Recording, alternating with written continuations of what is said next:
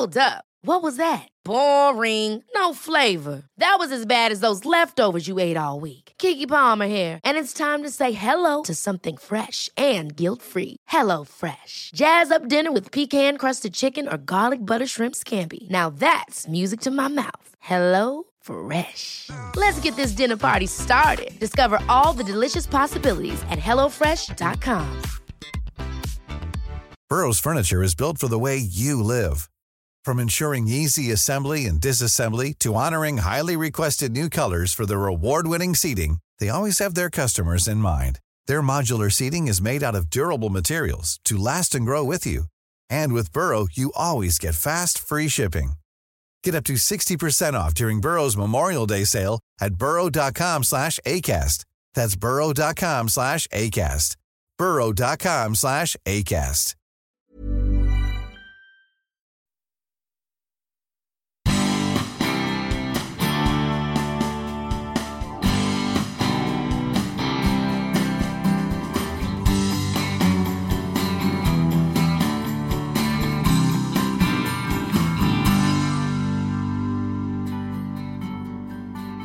Låter ju makabert, men jag har alltså hela sekvensen när min pappa drunknar i bildform.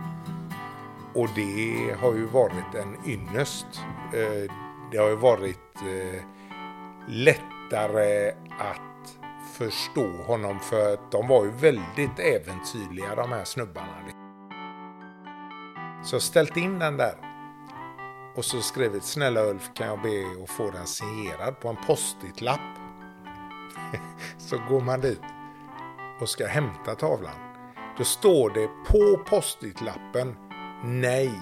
Och så är post-it-lappen signad Ulf Lundell. Det tycker jag är roligt. Kompisarna hittar mig sittande med tårarna sprutande och rinnande utanför eh, Ullevi efteråt. Och det var ju... Ja, det var. Ja, det hade kunnat bara... Imorgon är det begravning, Janne. Du är färdig. Allt började med ett skivomslag. Bruce Springsteens Darkness on the Edge of Town skulle bli starten på en fantastisk resa. För det var där och då som Janne Lundahl, 13 år gammal, bestämde sig för att fotografera artister. I början fick han lura till sig fotopass, exempelvis när han skulle hänga med rocktåget. Han blev brevvän med Lisa Nilsson. Ulf Lundell använde Jannes bilder till sin stora CD-box och genom Per Gessle träffade han sin fästmö. Men allra mest längtade Janne att fota husguden Bruce Springsteen. En glass och ett möte med bandets gitarrist Nils Lofgren öppnade helt nya dörrar. Vi pratar om hur Bruce blev en sorts ersättning för pappan Janne aldrig fick träffa. Tips till dig som vill fota konserter. Att Janne ville bli bonde och hur principen en till mig och en till artisten funkar. Men mest av allt, respekten för människor som vill göra sin grej.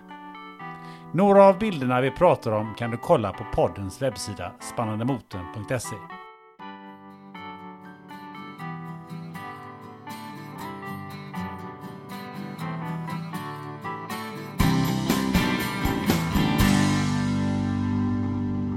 För jag, jag har sagt det många gånger. Min, eh, min morfar var ju jättesosse. Jag kan visa att eh, Ja. en perm eh, jag har i garaget.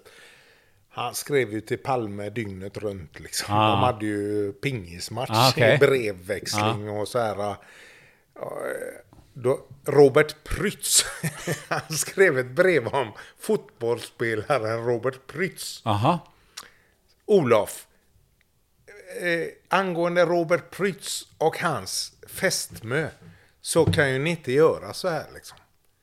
Eh, då var det något med om han kommer hem så blir det skatte...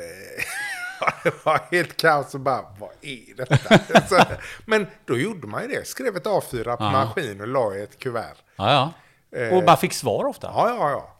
Och det var inga sådana, ja tack för fanclubs-brevet, utan eh, då kom det från Olof.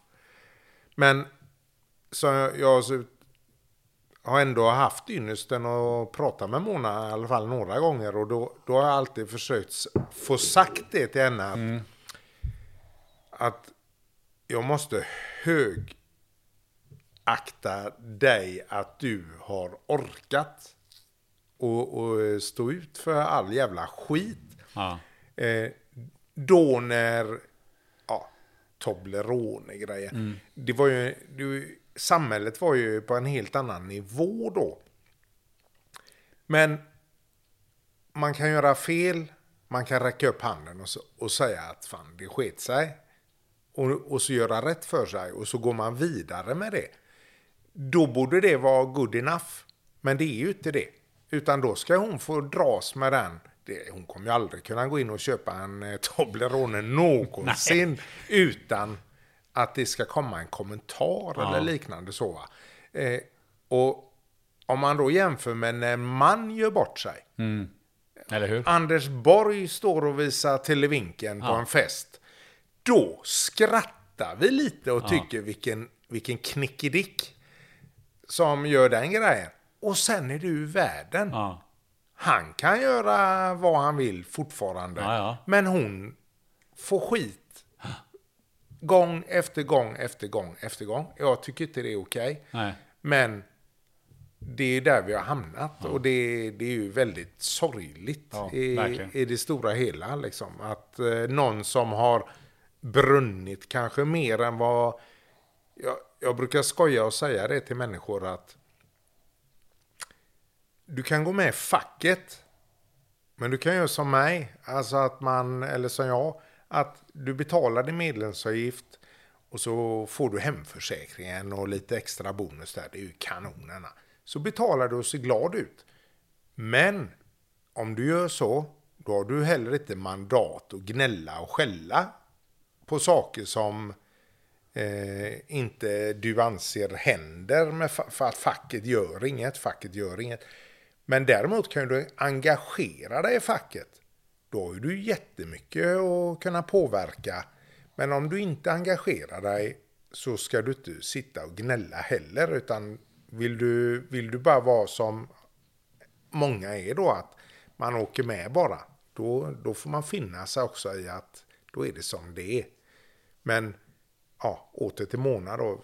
Hon och alla de här Anna Lind, Olof Palme. Tonen kanske var en annan, men brinnet de hade. Det är ju inte många som har det längre, utan nu är ju det hela tiden att man ska... Eh, någon annan ska göra grejerna. Men du, någon som har kvar eh, brinnet är ju Jan M Lundahl. Välkommen till Spännande möten. Tack så mycket. Du, vad, vad, vad betyder M däremellan? Mästaren, indirekt då. Men Magnus, Magnus. som då betyder mästare. Men är det Jan eller Janne? Eh, då har vi upplägget Jan M Lundahl håller kameror och filmar. Eh, Janne, det är kompis-Janne. Eh, och Janne Lundahl kan även spela trummor med sitt tributeband. Och så har vi morsan då, Jan. Så det är de... Eh, Så, så Janne är okej i podd också då? absolut. Ja, det låter bra det. Eh, berätta lite var vi, var vi sitter. Vi sitter ju inte i någon vanlig studio. Nej, utan det här är ju min eh, mors och mitt eh, livsverk. Eh, att eh, vi har byggt en, ett fritidshus i Stråvalla. Ligger söder om Göteborg och framförallt Mölndal då, där jag är uppvuxt, uppvuxen. Men eh, Stråvalla i Halland, där hamnade jag av en gammal ungdomskärleks eh, bravader på 80-talet och eh, när det tog slut och vi fortsatte att hänga ihop eh, som kompisar så skojade jag alltid och sa till hennes mamma att eh, blir det en tomt någonsin i faggorna så ringer du mig. Så eh, 2008 så ringde hon mig och då eh, fattade jag inte riktigt vad jag höll på med. Men eh, det slutade med att jag sa till morsan att ska du vara med och köpa en tomt? Och hon tyckte jag var helt galen men berättade det på sitt jobb och alla på jobbet sa det är klart du ska vara med. Och på den vägen är det. Så vi rev ner träd och banade väg för detta huset då. Inget stort hus, men eh, stort nog för att bo här och ha det gött. Mm. Och det som är allra göttast, det är ju alla bilderna vi har på väggarna här. Ja, man gör så gott man kan. Ja. Vad är, vad är det? Vad har vi för bilder där?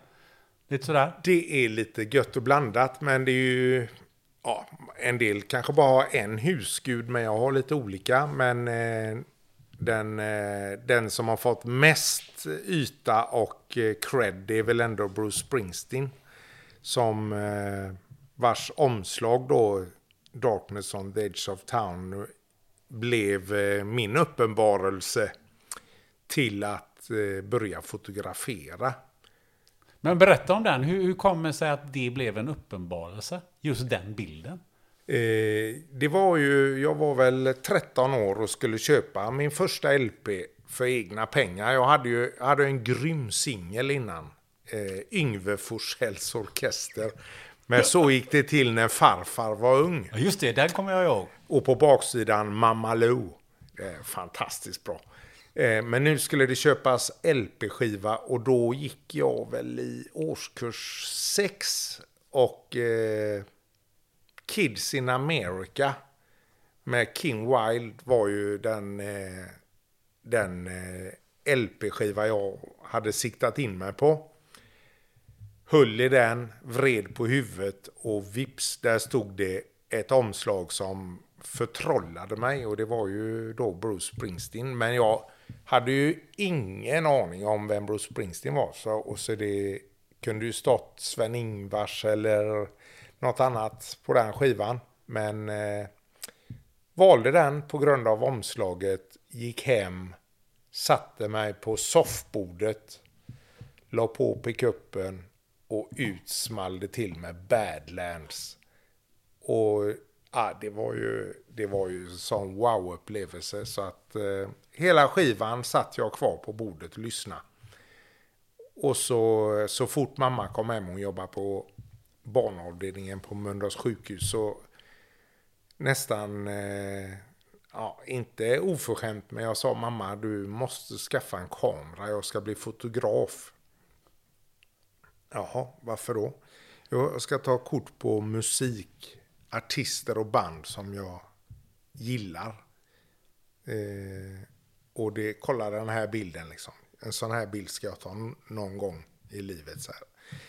så hon eh, gav mig en kamera helt enkelt. Och på den vägen är det. Och det var inte sådär som att jaha, du säger det ja. Du, eller liksom, vad, vad tror du hon tänkte där? 13 år eller var det 12 år? Eller? Ja, nej, då tänkte hon nog att oj, eh, äpplet kanske inte faller så långt från trädet. För det var ju så att hon blev ju, hon var ju 19 år när hon födde mig. Och det var ju inte den eh, smidigaste förlossningen utan eh, 12 december 67 så eh, drunknade min pappa utanför Lissabon i en eh, liten, jo, liten, den var eh, ganska, ganska stor, en drunkningsolycka. Och han var då fotograf och filmare och höll på med en dokumentär för SVT men eh, kom bara till etapp 1 som då var utanför Lissabon. Eh, sen tog hans äventyr slut. Och eh, sättet hon fick reda på det var ju via en löpsedel då på nyårsafton. Eh, så att eh, det var kanske inte den... En eh, löpsedel på nyårsafton alltså? Ja, stor bild och ja, att eh, fotografen och eh, skepparen eh, Jan H. Gunerus hette han, hade omkommit då. Och då, sk- jag skulle ju egentligen födas i februari men föddes då 3 januari. Så att eh, det var ju snabba puckar där. Men eh, ja, hon kämpar ju på där men eh, det var ju förmodligen så hon tänkte att aj då, det kommer en fotograf till här nu. Och så fick jag då min lilla Chinon-kamera och så många meter film. Öva, öva, öva. Men det var ju dyrt. Ja, det måste ju vara men som ensamstående och så... Ja.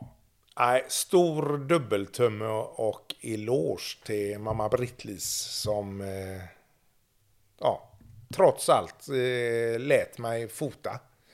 Och det, det gav ju resultat så småningom, men det tog väl fram till tidigt 90-tal innan jag började få så pass koll så att jag kunde med och be om fotopass. Så att... Eh, Men du, innan, innan vi kommer eh, dit så måste vi ändå eh, fråga lite. För du, du har ju, du säger du har ju fått det med dig från din eh, pappa på ett eller annat sätt. Fast du liksom aldrig har, har, har träffat honom. Men vad, vad, vad, vad fick du veta om din, om din eh, farsa? Vad fick du för bild? Ja, det var, ju, det var ju egentligen en ganska orättvis eh, bild. Det var ju via farmor, farfar, faster. Eh, och det var ju bara superlativer och eh, hur lika vi var till utseendet och, och så här. Eh, men däremot så när jag var kanske 18 så valde jag att eh, söka upp de som var med om eh, det här som hände på båten och olyckan. Det vill säga hans fem kompisar som han skulle resa jorden runt med. Och några passagerare. Så att då fick jag, och då var ju min nyfikenhet jättestor på eh, spelar ingen roll om han var rolig eller att vi var lika. Utan jag vill veta, vem var han som kompis? Hur var han? Och det var ju jättekul för jag fick ju tag i i alla fall fyra av dem eh, som var kvar, så att säga. Och bland annat Leif Ryding, en, eh, en som var med som han var lite skrivande journalist och fotograf. Och tidningen Lektyr Oj då. som för, ja, det är många förknippar. Det är ju liksom eh, lättklätt, men hur lättklätt var det egentligen? Ja, Ganska det, oskyldigt. Ja, och det var ju väldigt fina reportage där i. Så han har ju en... Eh, vi har haft kontakt sedan dess. Eh, inte, inte dagligdags, men ganska ofta. Så, och jag har ju fått allt som han eh, fotade. Han var ju med exakt vid händelsen. Och han har en hel fotoserie. Så jag det låter ju makabert. Men jag har alltså hela sekvensen när min pappa drunknar i bildform.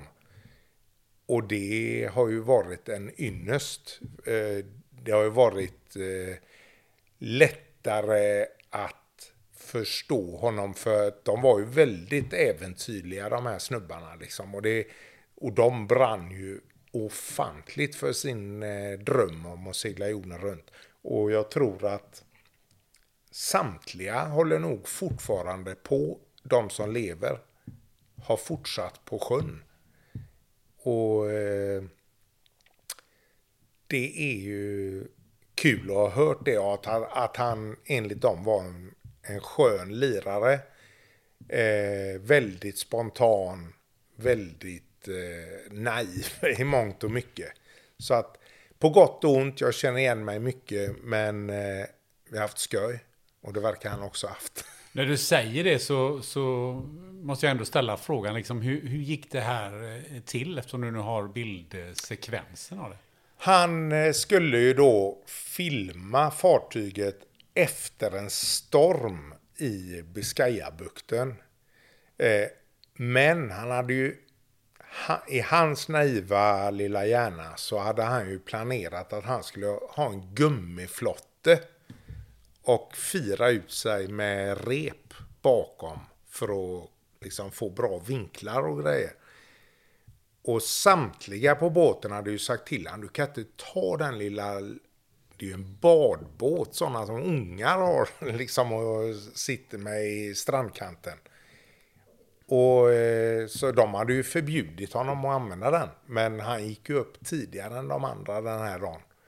Och eh, väckte bara en och sa att eh, du får hjälpa mig här nu för jag ska filma. Och så hade han då dratt repet från eh, fartyget genom årtullarna på den här lilla flotten och sig själv dessutom. Så att eh, han hade ju virat genom ugglan, runt sig själv, genom ugglan. Vilket gjorde då, när kanske 50 meter lina har sträckts ut, så kommer ju rycket. Och då dök ju den direkt. Eh, och ja, om någon har försökt fånga en hink vatten ifrån en båt som rör sig så blir det ganska kraftigt ryck. Och, eh, ja, och jag har väl lite spekulerat så hiskeligt i det, men det måste ju ha knäckt vilken rygg som helst. Samtidigt då så står ju Leif kvar på däck och får ju panik. Och det går ju inte att dra in den här båten, det går ju inte. Så han skär av repet så att flotten kan vända runt igen. Och då, när det är gjort så, tiden går ju och vända en eh, skuta då, det var en galeas. Det tar ju inte en minut och det tar inte två och inte tre heller. Så att innan han fick upp manskapet på däck och försöka återkomma till den positionen, det gick ju inte. Så att eh, det kallades ju på kustbevakning och allt möjligt och det var flygspaning. Men eh, två dagars flygspaning, noll, inte ens en keps har man hittat. Fortfarande Så, inte? Nej. Och det är ju, ja, dels är det ju väldigt strömt vatten kring där och ja, det är ju egentligen skitsamma. Men det är ju jättetråkigt på sitt sätt att inte han fick uppleva den här drömmen som de hade. De hade jobbat på den här båten i både fem och sex år för att få göra det här. Eh, och sen är det eh, ur, ur min faderlösa uppväxt då så, så har ju det det har nästan varit enklare för mig som aldrig har haft en pappa med en relation till. För eh, från årskurs 1 till årskurs 9 så dog det fem papper i min omgivning. Oj. Och deras sorg och bedrövelse, mina kompisar, när, när deras pappa, den, den har man ju inte varit avundsjuk på. Då har det nästan varit enklare att inte ha haft relationen. Sen är ju det tråkigt, men eh, fram till man själv blev pappa så hade jag ju inte tänkt på det. Men efter att jag blev pappa själv, då, då kom ju nog en ny form av sorg över att inte haft en pappa. Eh, just det här med, som jag hoppas innerligt att, att mina söner kan sucka över när pappa ska visa och pappa ska hjälpa till och pappa ska göra det och det och det. Men jag hoppas ju en dag att det, nu vet de hur det funkar. Och de har ju nu mera lägenheter. Jag har inte skruvat upp en enda grej där. Det har ju de gjort själva så att eh, den grejen har jag ju saknat i mångt och mycket. Jag har ju satt många skruvar och spikar fel på grund av att jag inte har vetat. Nej. Jag tänker på det, måste ju också... Eh, han måste ju haft en, en passion för det här fotograferandet som ju du också har. Jag menar, annars blir man sitt ut i en sån flotte. Och alla andra säger nej, du får inte och ändå gör man det. Ja, nej, ja, nej, det är väl det ibland. Ibland om man har eh, en bild i huvudet som man verkligen vill uppnå, då, då händer det ibland att man får gå, gå långt. Och eh, han, han kanske skulle lyssnat. Ja.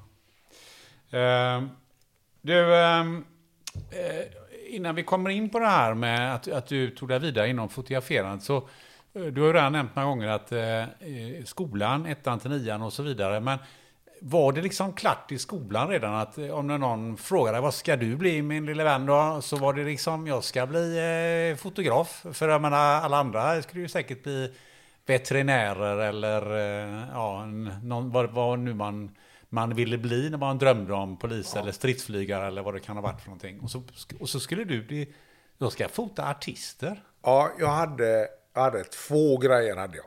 Fotograf och eller bonde. Okej.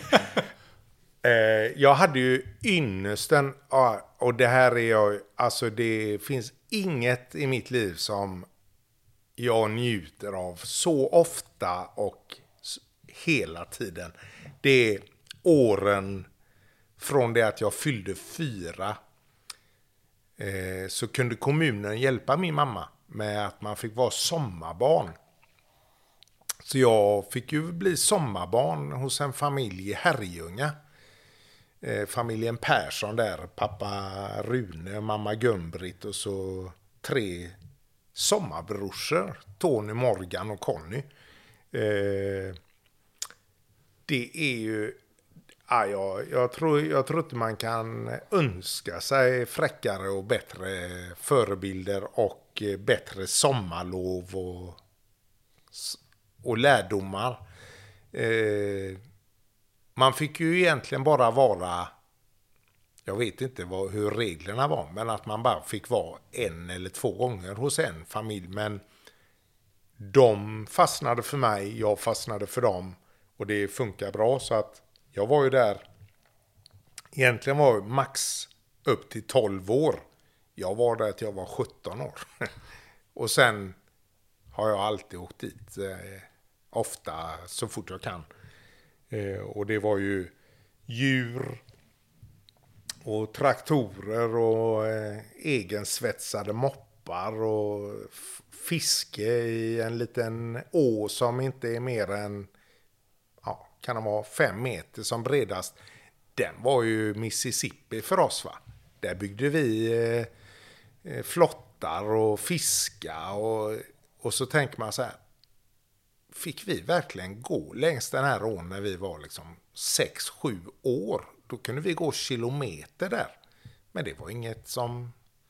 Det var inget man reflekterade över. Man klättrade över eh, ån på grenar och hoppade mellan stenar. Och... Nej, en riktig drömuppväxt på somrarna där. Så att bonde eller fotograf. Men eh, sen då när man blev runt, ja, runt 18-20 där, då eh, sålde ju de sin gård. Och så...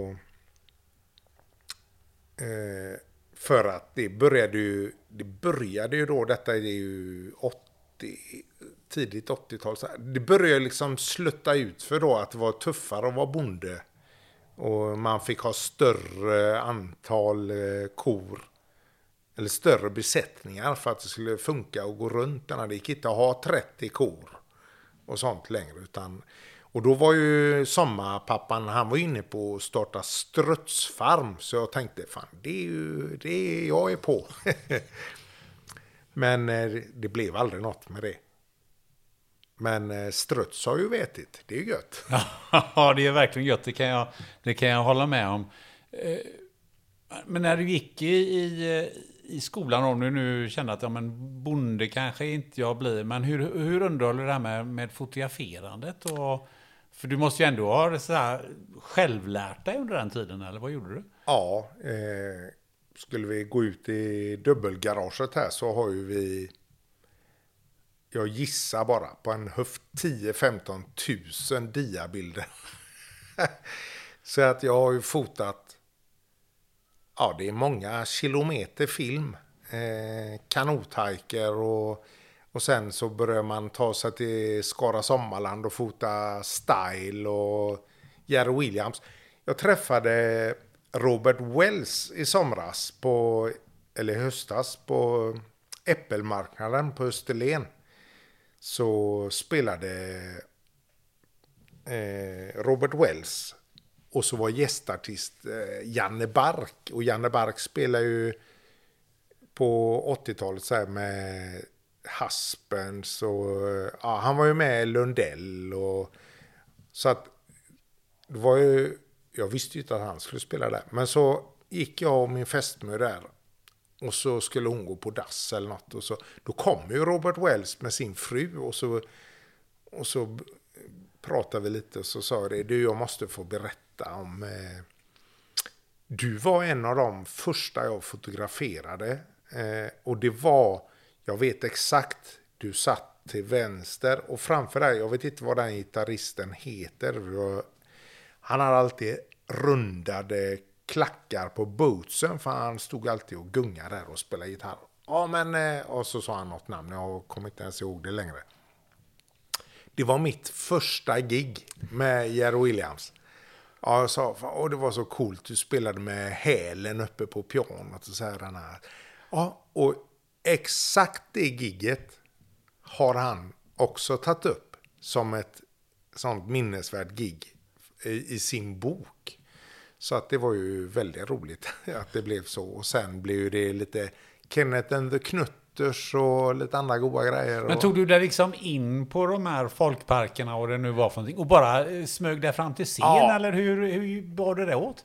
Ja, då var ju det just, det är ju samma som på Lisebergarna, där är det inte akkrediteringar i, i den formen. Eh, utan då kunde vem som helst ha en kamera med sig. Men eh, sen 1900... Tiden går så fort. 90 eller 91 så var det första rocktåget med Thomas Ledin. Och det var ju första gången som jag fysiskt kontaktade Emma Telstad som de hette då och bad om ett fotopass. Och de är ju då som nu eh, alltid så här, ja vilken tidning eller eh, vem har du bakom dig? Och jag har ju ingen. Så jag sa ju alltid bara, jag är bara Janne Lundahl, jag vill bara dokumentera min eh, samtid. Och eh, hade man tur då så, ja men okej då Anna. Så eh, fick jag ju fota Thomas Ledin, Lisa Nilsson och Eva Dahlgren. Och Eva Dahlgren har ju också varit, alltså alla de artisterna har ju jag lyssnat på. Som jag har sagt tidigare så spelar det ingen roll om man är känd eller inte. Men jag måste gilla det jag fotar. Annars så spelar det ingen roll. Och så tog jag bilder på dem och sen, det var i Varberg. Och sen skulle de spela då i Göteborg. Och då bodde de på Park Avenue, så då var jag där med lite förstoringar och ville ha signeringar och så här. Och då var det Thomas Ledins fru då, Marie Ledin, som oj, oj, oj, vilka fina bilder. Och en sån vill jag ha på mitt kontor. Så hon skulle ju ha någon större bild där. Och så fick hon det och så... Men var ja. det lätt att komma liksom i kontakt med artisterna sådär? Ja. Eller var det man, man liksom föreställer sig då, det finns massa människor, bodyguards runt omkring, eller de liksom håller folk på avstånd och sådär. Ja. Men det var ganska lätt att bara gå fram och snacka med dem, eller? Då var ju det inte på spelplatsen, utan eh, då, då var ju de på hotellet och så, ja... Det raka motsatsen för mig, det är ju egentligen att hålla låg profil. Men eh, det lärde jag mig ganska snabbt att inte vara för pushy eller för på. Utan jag kunde stå och vänta och så väntar man på ögonkontakt och så eh, gör man någon liten gest som, ja, kan jag bara få ställa en fråga eller och så är jag med med de här bilderna och så får man visa dem och så. Så, och så att eh, just det året då, det var ju kul med Lisa Nilsson då för att då så sa hon att eh, kan jag få din adress? Ja, så vi började faktiskt brevväxla. Och det frågade jag henne då, att hur kommer det sig att just jag fick, men nej, det var just det här att du inte stod med en öl och skrek och gapade och skulle kramas eller så, utan du, det gick att prata och, och så var det tack och hej och så så att det var ju, och då kändes det ju väldigt positivt. Och sen efter det så var ju det ett nytt rock. Jag fick ju fota alla rocktåg genom åren där. Eh, och parallellt med det så var ju det... Då fick man ju också ett ansikte på Janne Lundahl. Som då sedermera blev Jan M Lundahl. Men eh, det hade jag inte uppfunnit då. Så då, ja, det vet ju du med att om man, om man eh, har träffat någon en gång så så kanske den presenterar för den som står bredvid och så, så blir det ju liksom ett nätverk till slut. Men allt eftersom åren gick så blev, behövde man ju inte alltid förklara. Utan om, ja ja, det är han. och så har jag alltid varit generös just med, har jag varit nöjd med bilder så gör jag en till mig och en till den som är på bilden. Och så kan jag dela med mig av den eller om de vill ha. Så Ulf Lundell till exempel har jag alltid eh, hållit väldigt högt. I, han och Per Gessle, det är väl de som jag har haft som största svenska förebilder och akter. Varför har de blivit förebilder? Jag tycker ju båda är fantastiska på båda på sitt sätt så att säga. Jag tycker att uh, Ulf Lundell, ja, jag har väldigt svårt att läsa böcker. Läser jag en sida så somnar jag. Uh, det är lite tråkigt men jag har ju som tur är nu då fått lyssna på ljudböcker och det finns ju inget bättre än att lyssna på en bok. Särskilt om författaren läser själv så att det blir rätt tonfall och så här. Men eh, Ulf Lundells penna är ju helt fantastisk i min värld. Jag tycker han är en fantastisk berättare och eh, sen som ja, privatpersonen, det är ju också viktigt. Man håller isär begreppen. Vem, många kan ju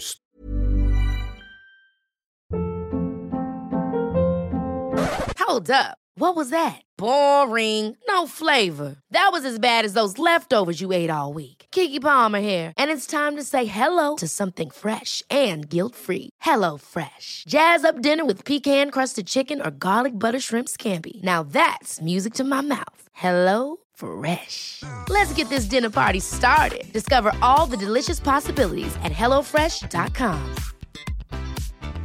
Hey, it's Ryan Reynolds, and I'm here with Keith, co star of my upcoming film, If, only in theaters, May 17th. Do you want to tell people the big news?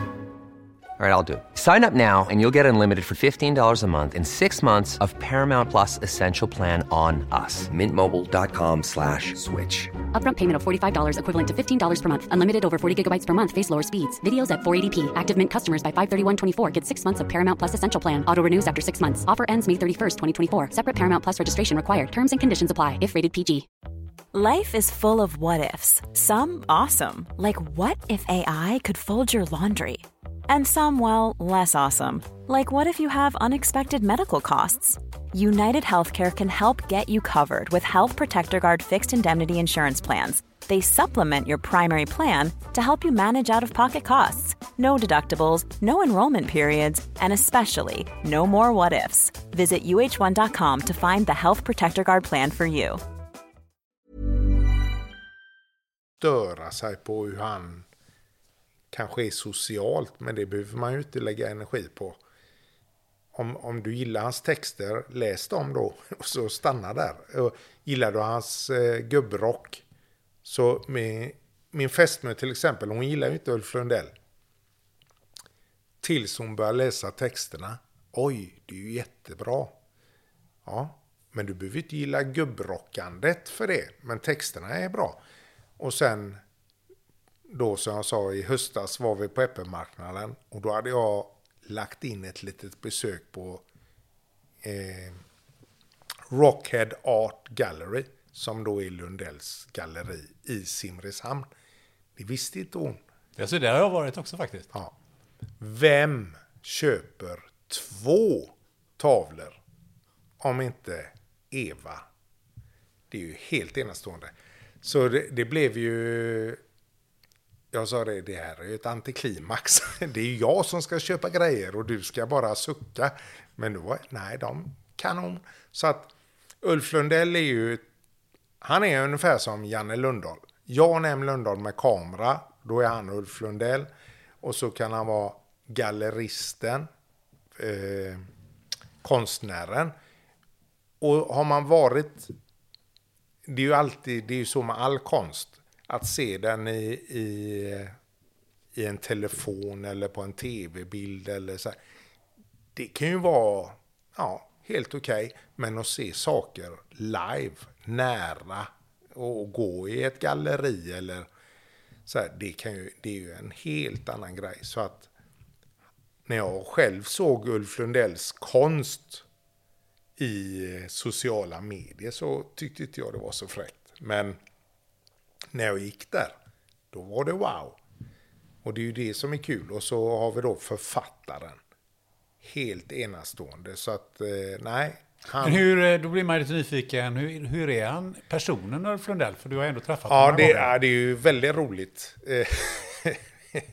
Jag skrattar varje gång. Det, bland annat så, jag, som jag berättar då, att jag lämnar ju alltid bilder om jag är nöjd. Och så, så jag har ju gjort det jättemånga gånger till honom. Och så var det 2004 fick jag ett mejl från Ulf Lundell. Där han frågade om han fick använda en av mina bilder som turnéaffisch. Då, och då blir man smickrad och tänker, fan han kollar ju på grejerna när man eh, lämnar dem. Fast man bara lämnar dem i receptionen. Ja visst, det var ju inga konstigheter. Det var bara att den turnén blev inställd. Men då gjorde jag själv den bilden i 70 gånger 100.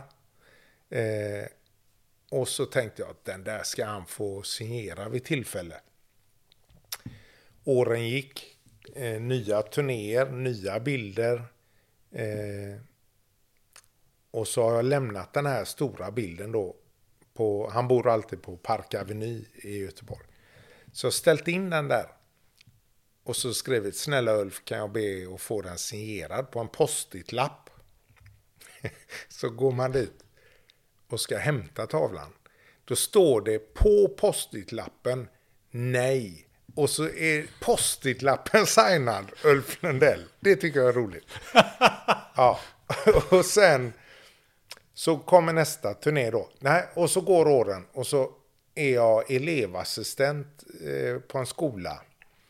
Och så 2014 så ringer det på lunchtid när man sitter och äter makaroner ur Big Pack-lådan där på friidrotts... Eh, vad heter den? Tingbergsvallen i Kungsbacka och alla eleverna sitter och äter och, och jag med.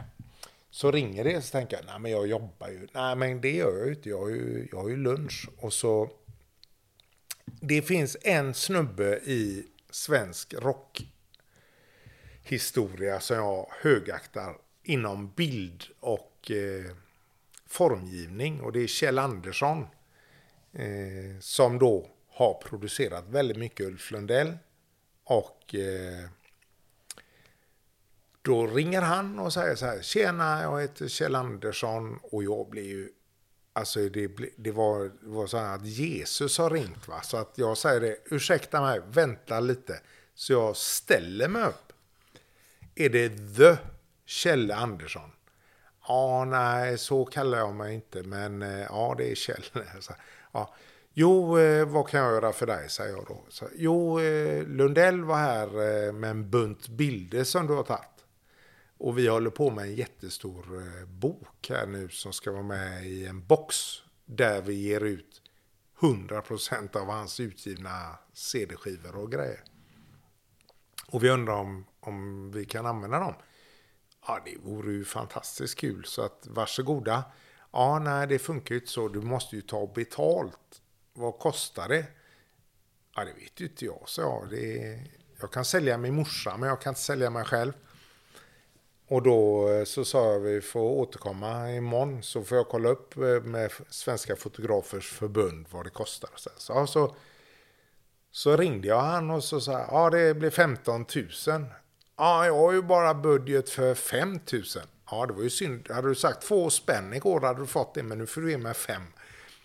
Ja, så eh, i den eh, Hemåt genom Rift Valley heter den boxen då. Där har jag ju en helsida eh, och eh, ett dubbeluppslag med ett collage. Och så avslutade jag samtalet och så sa jag det att ja, så får du bjuda mig på en box plus att den ska vara signerad.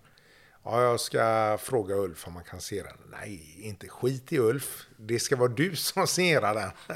Och så är du skyldig mig en lunch. Ja, det gick han med på då. Men lunchen har faktiskt inte blivit av än. Kanske är dags. Men eh, när boxen kommer så eh, är han på bängan så signerar. Och nu har vi inte glömt den stora bilden, 70 gånger 100.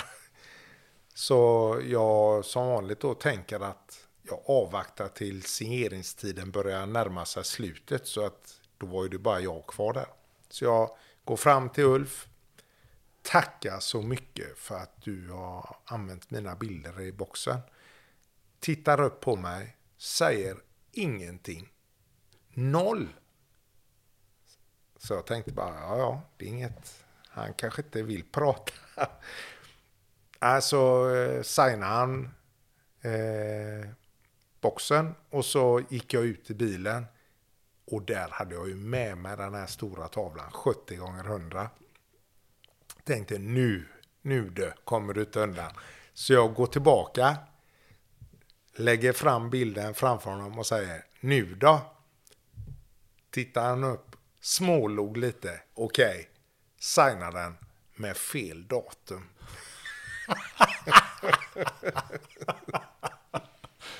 ja, det är, väl vad, det är väl den uppfattningen som man kan få av, av Ulf Lundell kan jag tänka mig också när man, man har eh, sett honom på lite, i lite tv-program. Så, så uh, får man ju lite den, den känslan du beskriver. Men om vi nu uh, går vidare, men vi måste ha lite, du hade ju en annan då, uh, Per Gessle, innan vi kommer in på, på Bruce. Det, det, var ju den andra då som blev högaktade svenska musiker. Var, var, varför gör du det? Ja, Per Gessle, om du lyssnar på detta någonsin så vill jag tacka dig för du, du har verkligen ja, fått mitt liv till en helt annan nivå. Det var tack vare honom jag träffade min fästmö som jag då var kär i. Sjuan, åttan, nian.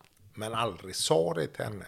För jag tänkte att säger hon nej så har jag inget kvar. Då har jag inget facit kvar. Eh, och nu kommer det då återigen på Bengans. 2005 så har Per Gessle släppt en skiva som heter Son of a Plumber.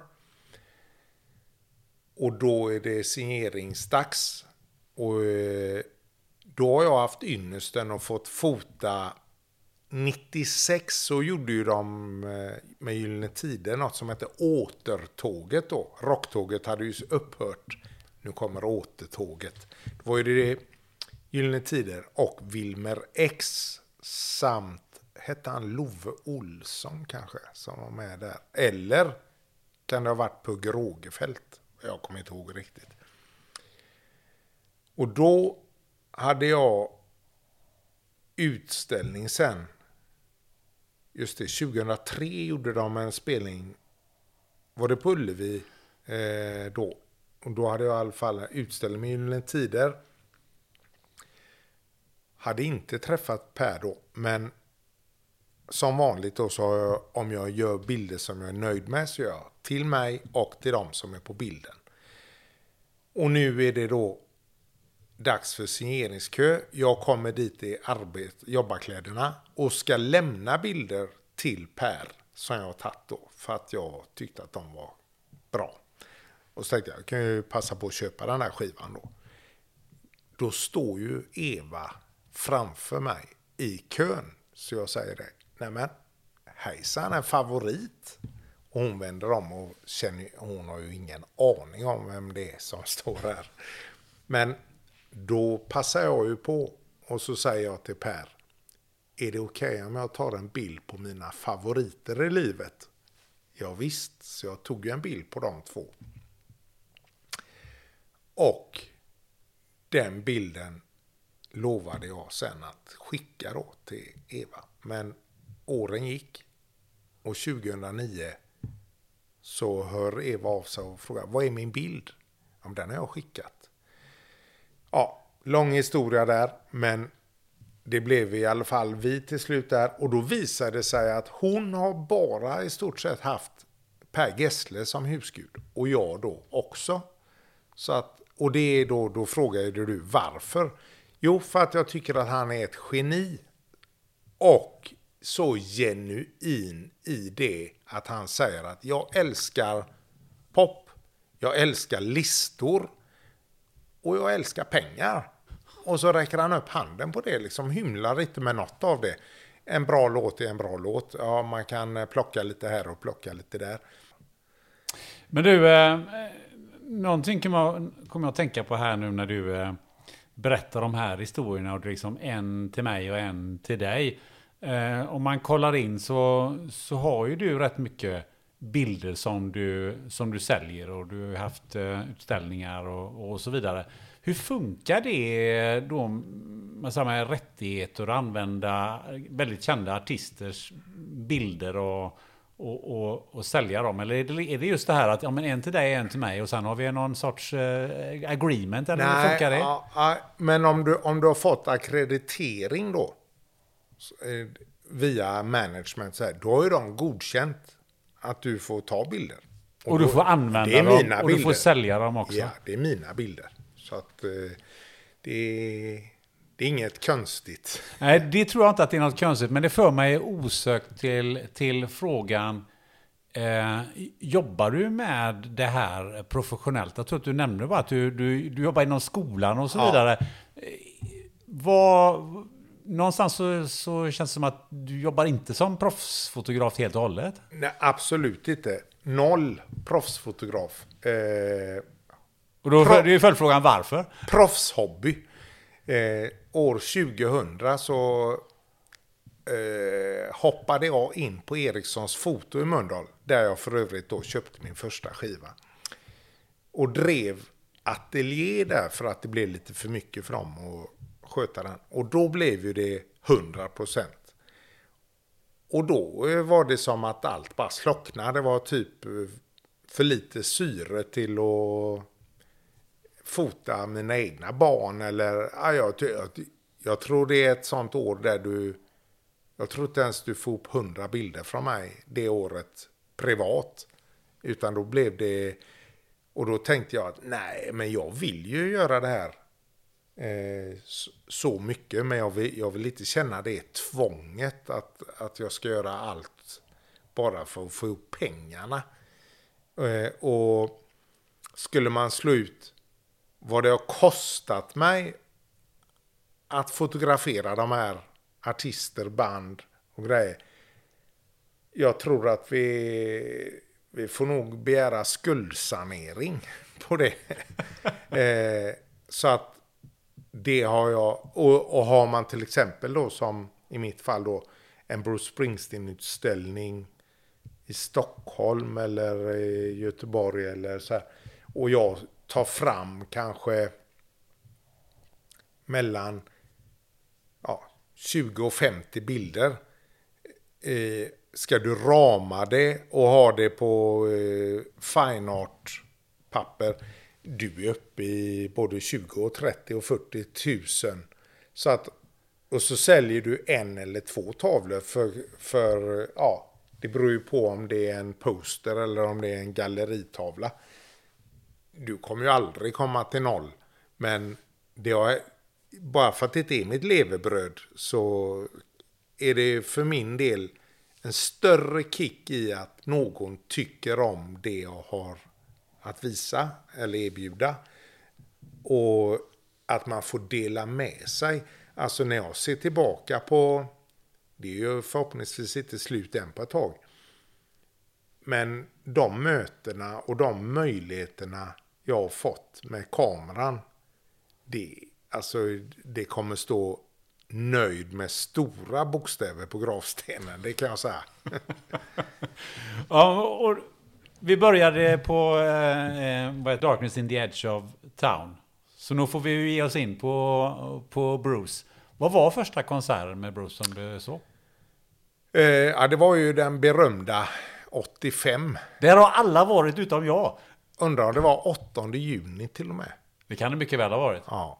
Eh, sov sovsäck där på vårkanten. Och eh, fick tag i biljett. Eh, det har börjat suddas ut lite det minnet. Men eh, det kommer jag ihåg att vi låg där under... Eh, ja, nu ligger ju biljettkassorna lite annorlunda än vad de gjorde då. Men då, man låg ju där under det där lilla taket där. Och så var ju det bergsprängare. Folk hade bergsprängare. Och pannband hade ju alla. och, eh, och så minns ju man då att det började ju med Born in the USA. Och för att orka stå där och vänta då drog man ju i sig en kvart Explorer så här framåt treblecket på eftermiddagen där. Så man somnade. Så vaknade man upp precis när introt drog igång där. Det var ju kanon. Nej, och sen blev det... Det var ju, det var ju faktiskt en wow-upplevelse. Det... Men eh, då, han förstörde ju eh, Ullevi för Ja, ett antal... Ja, och då var ju det Twist and Shout. Och den hade ju vi i somras också. Ja, just det. Det var ju the, the Time to Break the Stadium, eh, sista låten där. Men, men vad är din upplevelse av just det här? För det, taken börjar ju gunga vad jag har förstått. Ja. Då hade ju man, jag hade aldrig varit på någon, ja, jag vet inte ens om jag hade varit på någon arenakonsert. Jag, jag var aldrig på de här Dylan och Stones och jag var aldrig på dem. Jag, jag, jag var ju i den eran då när han hade rockat sönder grejerna, eh, Bruce. Så, så började de hålla till på Eriksberg. Så där kollade jag ju Michael Jackson och Madonna och U2 och... Men jag tänker just på det när du var där, såg du liksom att nu börjar taket röra sig? Eller? Nej, det- Eller var det Explorern som fortfarande hade sin... Ja, nej, påverkar. nej, den hade gått ur kroppen då förhoppningsvis. Men, men nej, jag minns bara att det var wow. Eh, sen, eh, vad var jag då? Då var jag ju 17. 17 år var jag då. Eh, så att nej, jag, jag kan inte... Jag kommer ihåg att marken gungade. Alla stod och hoppade. Det var ju mäktigt. Men just jag var aldrig på läktaren. Jag stod ju på gräset. Och du hade blicken framåt. Alltså. Ja, ja. Men eh, det var ju, det var ju fräckt. Och sen var, man ju på... Nästa vända var väl inte förrän 88 då, Tunnel of Love. Och det var ju också... Just det, jag håller ju på med en bok om eh, mina år med Bruce Springsteen. Men just den anekdoten som poppar upp nu, den har jag ju glömt. Den måste jag ju ta med i boken. Då har jag en kompis som jobbar på skivgrossist i Mölndal. Och vi fick ju låna deras amerikanska van och åka upp till Stockholm. Och kör då den trökiga vägen E20 upp och hamnar i, passerar man Örebro. Eh, det beror på vilken... På väg ja, till E20 Stockholm. så Ja. har du Örebro. Ja. Ja. Eh, då är ölen slut. Så då ska vi in där och köpa öl. Eh, kommer ut, då står ju en lapplisa där och har precis lappat och så, så säger jag ursäkta mig, vad, vad händer här? Ja, ni kan ju inte parkera här. Anna. Men vi har inte parkerat. Vi är ju bara på genomresa. Vi skulle bara in och hämta lite öl. Den här, kan- den här kan vi inte kalla parkering. Nej, det har du rätt i. Så rev hon den. och så åkte vi upp dit och det var ju så... Och det var ju det var också häftigt. Men då, då var ju det, det var inte lika häftigt som 85. För han hade ju ändrat stil lite då. Det var ju lite mer återhållsamt. Och, och det var inte hela E Street, om jag minns rätt. Var det alla eller var det bara kompletterat? Jag tror att det nog var alla. Ja, Jag var i Köpenhamn nämligen och såg det. ja, ja, ja. Men då, men för det, den kallas ju inte, det är ju inte en Bruce Springsteen och E Street Band-platta. Nej, det är det jag kanske jag inte. tror att han har eh, mixat lite ja. där. ja, ja. Whatever. Ja. Men fick du... eh, Fotade du där då? Eller var du bara Nej. med i publiken? Då har jag inte fotat. Utan eh, 1999, då eh, ringde jag ju som en dåre till Ema Tillstad. Men då var det nej. Konstant nej. Varje gång. Och alltså jag blev ju nästan desperat och tänkte, ja men kom igen nu, det, ju, det här är ju min nummer ett. Det, ni måste låta mig fota honom. Så kan jag ju, jag ska aldrig ringa er mer. och så efter mycket tjat då så, så fick jag ju det då. Och det var ju, ja det, det var ju också julafton kan man säga. Och, men just då när, när eh, det drog igång då och man stod där och, och det bara skaka. Du vet, det- man, man var, jag var ju jätterädd att det här kommer ju gå. Det är ju tur att det finns lite autofokus och stabilisering. Men eh, det var jättesvajigt i början där innan man lugnar ner sig så. Som en jägare typ. Men f- fick du liksom tillgång till, var fick du vara någonstans då? När du Ja, då var jag längst fram i, då, då var man i ett så kallat fotodike då. Så då stod man ju alldeles vid scenen. Vilket sedermera då har blivit inte så vanligt förekommande. Nu står man ju ofta vid mixerbordet. Det är ju eh, 50-70 meter ifrån. Så att eh, vinkeln är mycket bättre idag. För att det blir inte så upp i näsan vinkel utan det blir roligare vinklar. Men å andra sidan så behöver du då eh, Alltså du, du får fantisera lite mer för att du får ju ingen, du får ingen direkt ögonkontakt. Det kunde man ju, eh, man kunde ju oftast, eh, jag har ju ja, ett litet tips till folk som vill eh, fota konserter. Så här. Då kan man tänka på, ofta så får man bara tre låtar på sig. Mm, sen får man gå därifrån. Sen brukar man få gå därifrån. Om, om de inte liksom, ja det är okej om du stannar. Eh, då är det, nio av tio springer ju fram då till mitten där sångaren står. Och då är ju den, det är ju första låten. De är inte igång, de har inte liksom kommit in i matchen än va. Då brukar jag istället gå höger eller vänster va. Jag går inte till mitten. Då får ju du helt plötsligt kontakt med en gitarrist eller en basist eller en keyboardist. För de är ju inte ens vana vid att någon vill ha kontakt med dem. Och då kan ju du få helt andra leenden och en helt annan kontakt. Sen låt två, då, kan, då brukar ju bandet, ja nu börjar de, och då kan det ibland vara lite så här för, ja eh, vi går ihop i mitten och står och svajar med gitarrerna. Då har man lärt sig det liksom. Ja, Okej, nu tar jag de bilderna, men sen går jag bort till höger om jag gick till vänster. Tredje låten, då har ju de här som sprang fram till mitten, nu har ju de panik för de har ju inte tagit på någon annan än den i mitten. Då har jag ju mitten för mig själv. Klart. Vilken taktik! Ja, och det, det tog ju en stund innan man lärde sig. I början sprang man ju också efter flocken liksom, men då, då blir det mycket lugnare också. Det blir, tycker jag, mycket skönare sätt att, att fokusera. Att, att man, vet det, man vet ju inte i och för sig vilka låtar som dyker upp, men om man, om man tar som exempel Bruce Springsteen eller Ulf Lundell eller Per Gessle. Om du tittar i, i medierna dagen efter en konsert. Det ser ju exakt likadant ut. De har de här skrikbilderna eller eh, någon sån upp i näsan-bild. Och det har ju alla tidningar som var där har ju samma bilder. Medan då har jag någon helt annan. Och, och det, det tycker jag är det roliga.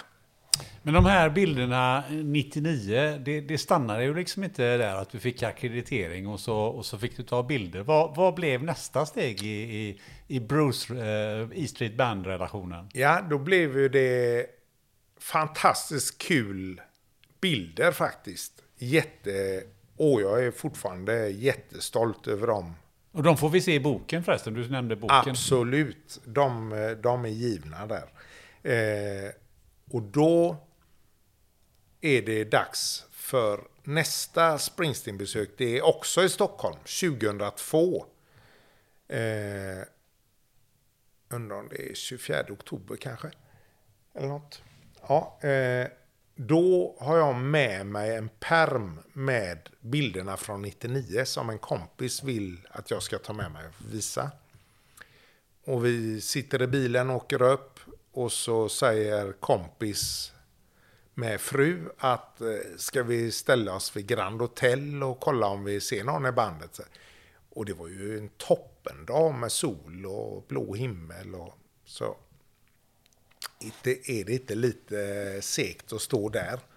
Ska vi inte gå och ta en glass istället i Kungsträdgården?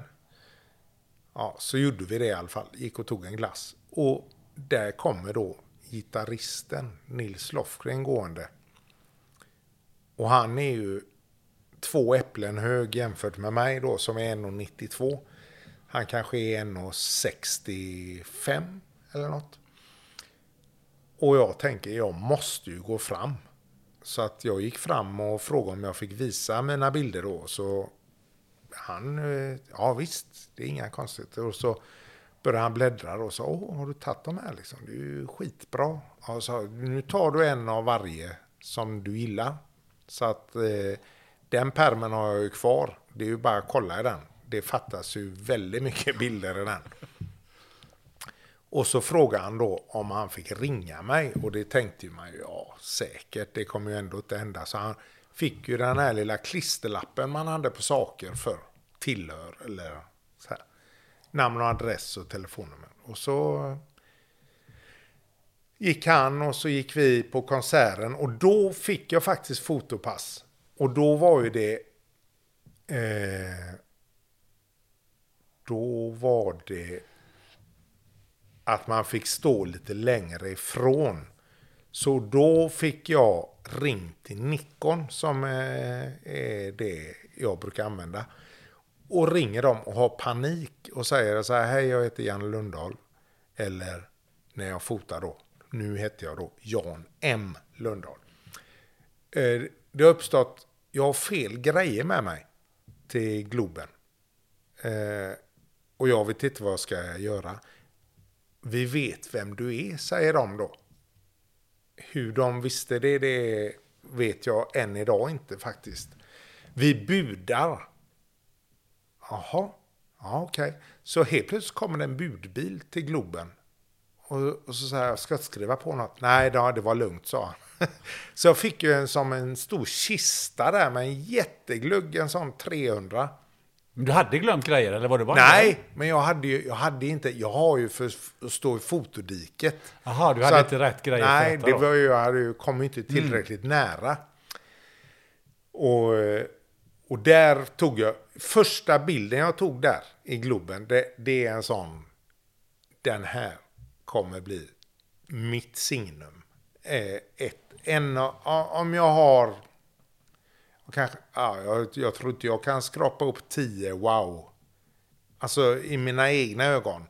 Inga sådana som det här kommer vara min, mitt arv till nästa generationer. Men jag kanske har eh, två, tre bilder som jag är riktigt nöjd med. Och det är en av dem då. Det, den tog jag som ruta ett på Globen. Blir det omslaget i boken? Eh, oklart. Den är med i förhandlingarna, men eh, den, är inte, den är inte riktigt där än. Den, den, är inte... Den kan, men den är inte hundra. Den, den, har inte, den slåss med de andra. Okej. Okay. Vad hände sen? Sen eh, gick ju det ytterligare några månader och då står jag i trädgården och vattnar och barnens mamma kommer ut och säger det är någon som driver med det. Han säger att det är Nils Lofgren. Och då eh, ringde ju han. Så att eh, jag svarade ju då och sa ja, hej det är Nils och så. Och tänkte jag, oj, ja just det, han fick ju den lappen. För jag berättade ju inte det till någon. För jag tänkte att det är ingen som, det kommer ändå inte hända. Så att, ja. Så sa han ju då att han fortfarande var väldigt nöjd med med mina bilder och eh, att han eh, ville gärna använda dem i sin marknadsföring. Och det sa jag också, det är självklart. Och sen så avslutade han då med att säga, Bruce gillar ju också dina bilder så vill du åka med oss i Norden då. Så det blev ju... Men liksom, vad, vad hände då med dig? Nej, jag, jag tror inte jag riktigt kunde...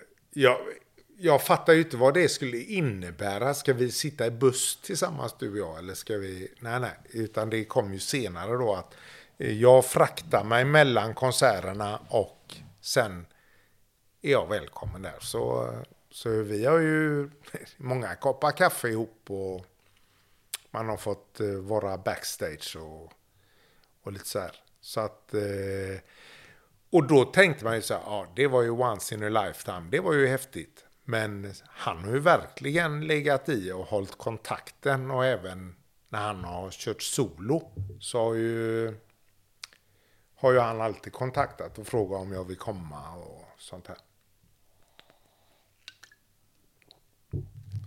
Så nej, det var en väldigt bra glass i Kungsträdgården. Det var det. Eh, hoppas att det var en 88 eller, eller mjukglass. Det finns också andra glassar som man brukar Ja, säga på precis. SVT. Det måste man alltid säga. Det måste man alltid säga. Nej, det här är inte SVT. Där, eh, där i hörnet har du, det ser ju inte lyssnarna, men där står ju en bild eh, med Nils eh, under katakomberna i Ullevi där.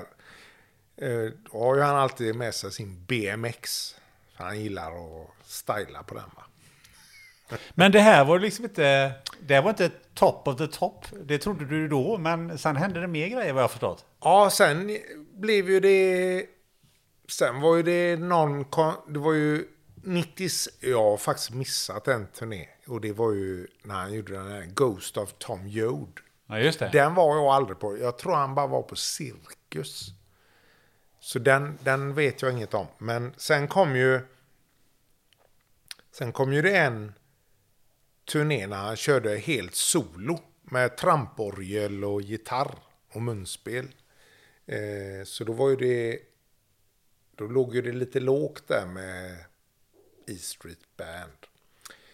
Men då var jag och tittade och sen så kom ju, slog han ju till med Seeger Session-turnén. Han körde Pete Seeger.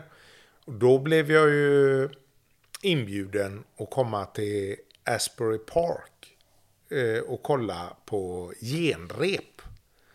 Eh, med publik då. Så jag åker ju till Washington och bor hos ett par kompisar och sen ska, så hyr jag en bil. Och jag, de som känner mig vet att GPS, det är en väldigt bra uppfinning. Det fanns inte då.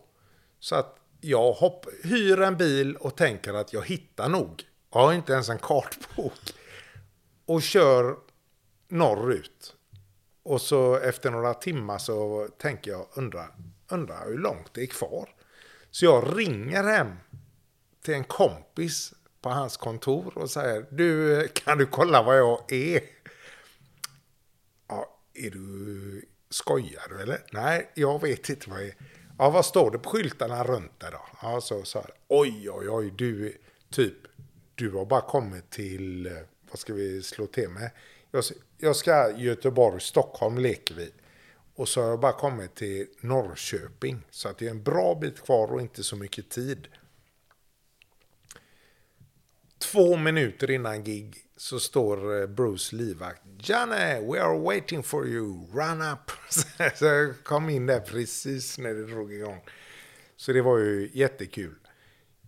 Och det var ju 2006. Och sen så kommer de då. Ja, sen var det 2007. Men 2008. Det är då, eh, då pikar vi.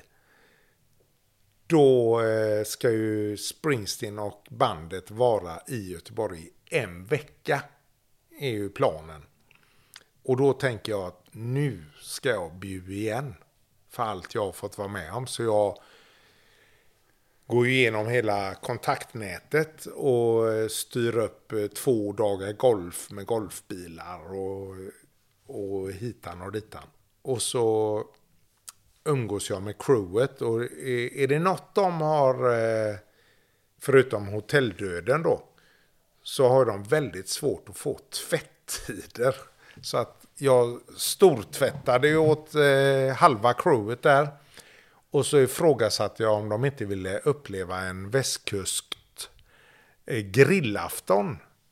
Så då eh, får jag ju för mig att ringa min kompis Johan ute på Bohus Björke. Och fråga om han kan hjälpa mig.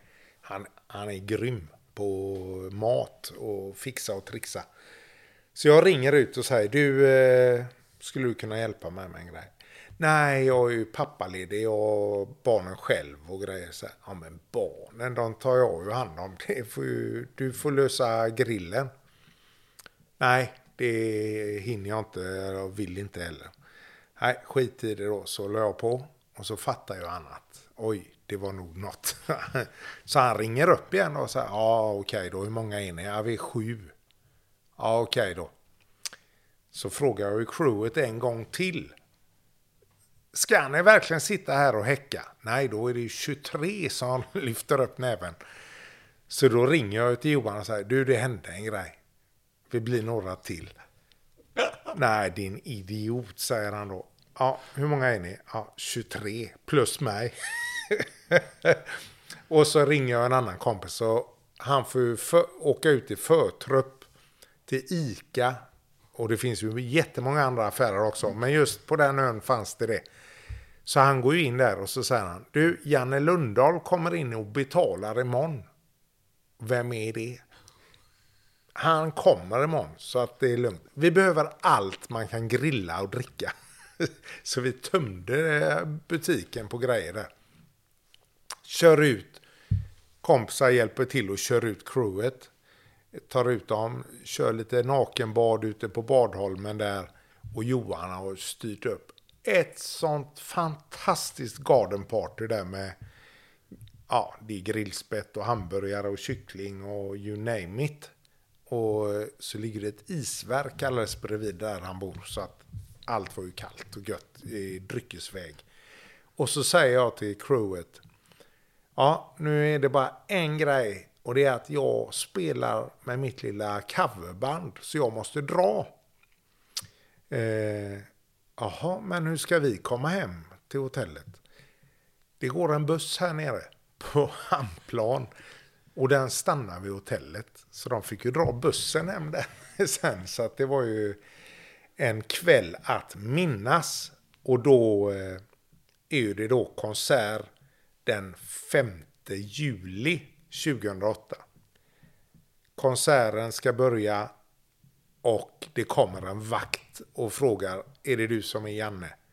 Du ska följa med mig. Och jag tänkte bara, nej, vad, ska jag inte ens få fota nu?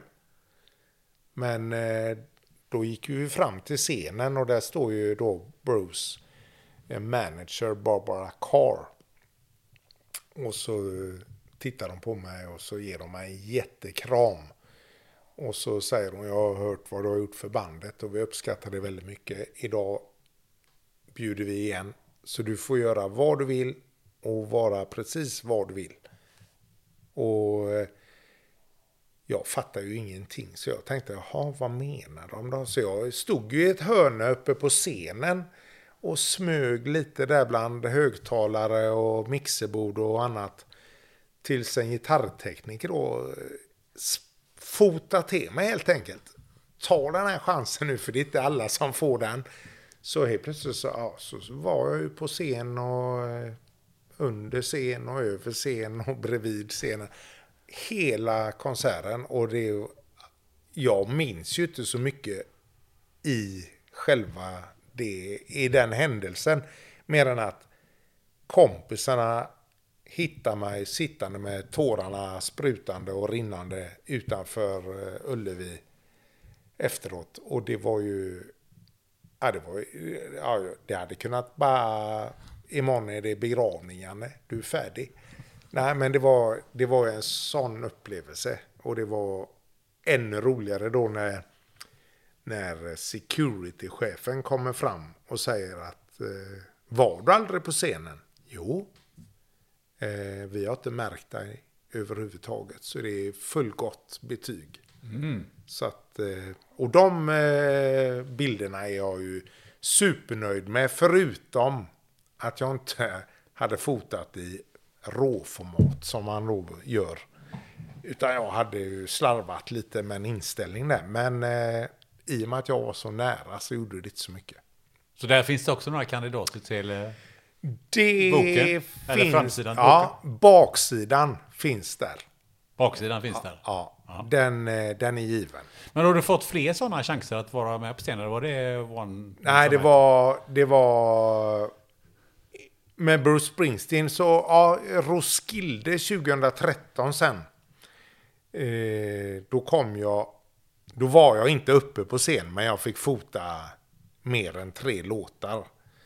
Och sen har ju det hänt med lite andra artister.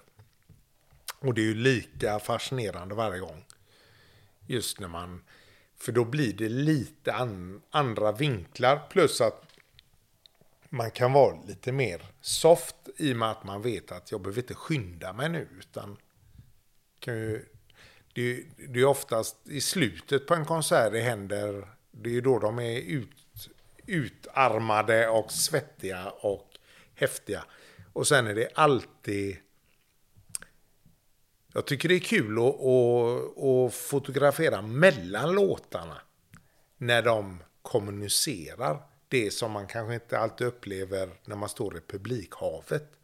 Men det är mycket som pågår under en konsert uppe på scenen sinsemellan som man inte riktigt får med sig när man står där ute i folkhavet.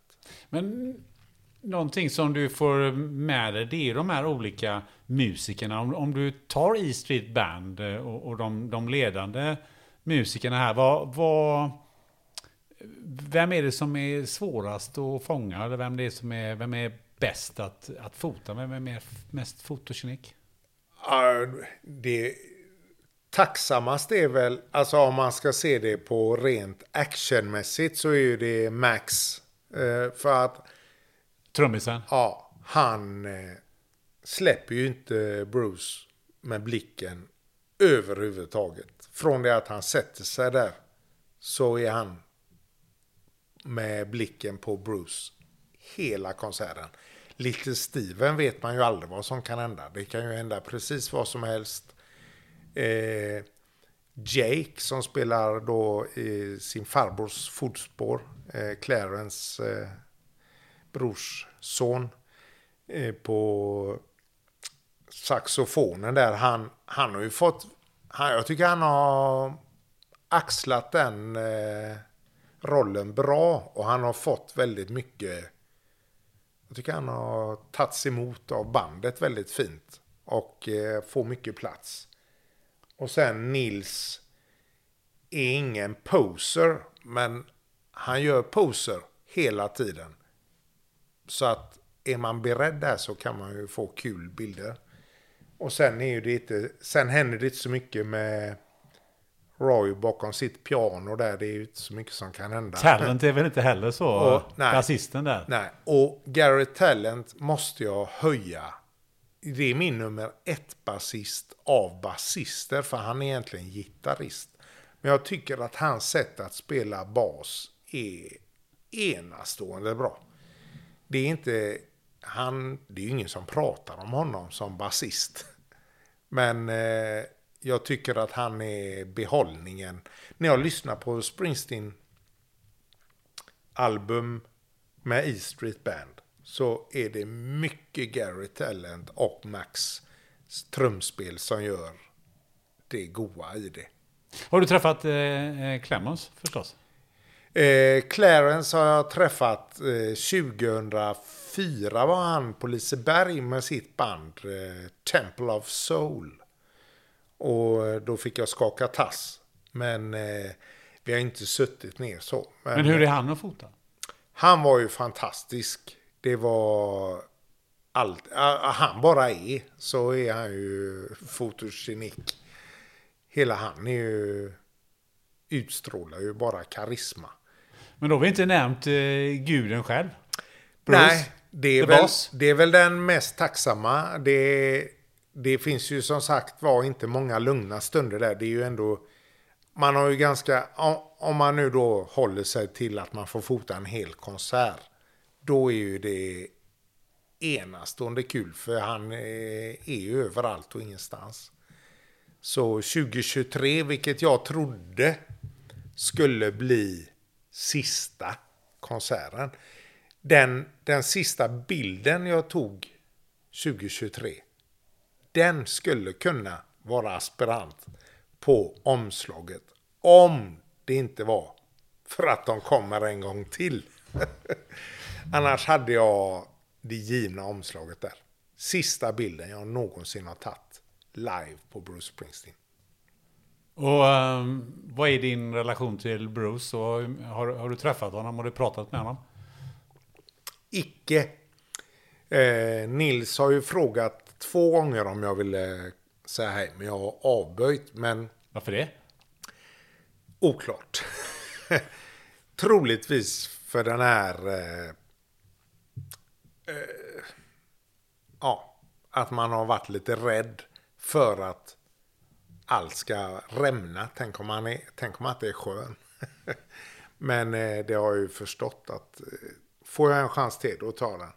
Han, han har däremot kommit, han har hejat på mig. Och det var i Roskilde. Eh, precis innan eh, de ska gå på så råkar jag stå lite fel mot vad jag skulle. Och då kom han fram och så sa han Hello John, nice to meet you. Och så gick han. Så att eh, ja, vi har haft ögonkontakt många gånger och vi har han har pratat med mig. Det- Men finns det någonting där eh, som du kanske sätter honom så pass högt så det kan vara svårt sen att fota honom? Eller att du har med dig någonting där? Eller finns det något där som du... Nej, jag vet inte riktigt vad det, vad det kommer sig så här, men... Eh, nej, det blev så. Eh, men där, däremot så tror jag... Ja, om man, om man bläddrar bland bilder jag har tagit så ser jag ju ibland att vi har ju en dialog på ett annat sätt via ögon och så att även, även om, och det har jag hört bakvägen så att säga, han är väldigt iakttagande. Och han... Han, eh, Han har koll på dig? han, ja. Eh, och där också, för att det blir ju en liten kollision där. Är jag 13-åringen som köpte skivan, fanset, eller är jag fotografen? Eller vad jag har blivit nu då när jag har en, en sån relation med Nils. Eh, Ja, det var lite det som jag var ute ja, efter där. ja, det, eh, det, det, det blir ju lite så här. Och jag, och jag känner alltid så här. Om jag har fått ett fotopass eller ett backstagepass. Då är jag väldigt, väldigt mån om att inte missbruka den gesten eller det, det förtroendet eller vad jag ska kalla det. Så jag, jag, jag skulle ju aldrig gå fram, om, Bruce Springsteen var i rummet skulle jag aldrig någonsin rusa fram om jag var backstage. Utan då, då känner jag lite att det får ju bli på hans villkor. Jag är på bortaplan. Jag är på hans hemmaplan. Vill han prata med mig så kommer han att prata med mig. Eh, vad händer om jag går fram och är lite för mycket? Då kanske jag har bränt mina broar och inte får den sköna möjligheten att vara till exempel lite backstage eller Det är kanske det som har varit ett vinnande koncept för det känns det som. förhoppningsvis, det vet vi ju inte men men eh, Nej, men i flera andra situationer Ja. låter det som Ja. att, det, att, att du håller dig gärna tillbaka. Även om du vågar gå fram och prata med Lis- Nils Lofgren i, i Kungsträdgården så är det ändå att hålla den här låga profilen. Ja, ja det, och, och framförallt eh, låta, låta stunden, ja man märker ju eh, om, om folk är öppna för dialog eller kontakt. Per Gessle skulle jag ju aldrig, eh, då kan jag säga ursäkta mig Per, kan jag be att få det, det har jag, och, då, och visst, man kan ju få någon som säger nej. Det passar inte just nu. Men, men eh, där, där har man ändå träffat honom så pass. Ulf Lundell som vi pratade om förut. Det är ju ingen idé att tro att du har något, eh, något mandat att få audiens där. Utan det blir ju vad det blir. Eh, troligtvis så har jag i, i Lundells fall så har ju han ändå någonstans erkänt att den här flockgrejen är inte min grej. Jag är inte bra på det. Eh, men om du läser i de här senaste böckerna, till exempel Vardagar, vilket är ju väldigt konstigt att, att de kan vara så intressanta. För jag menar, det är ju...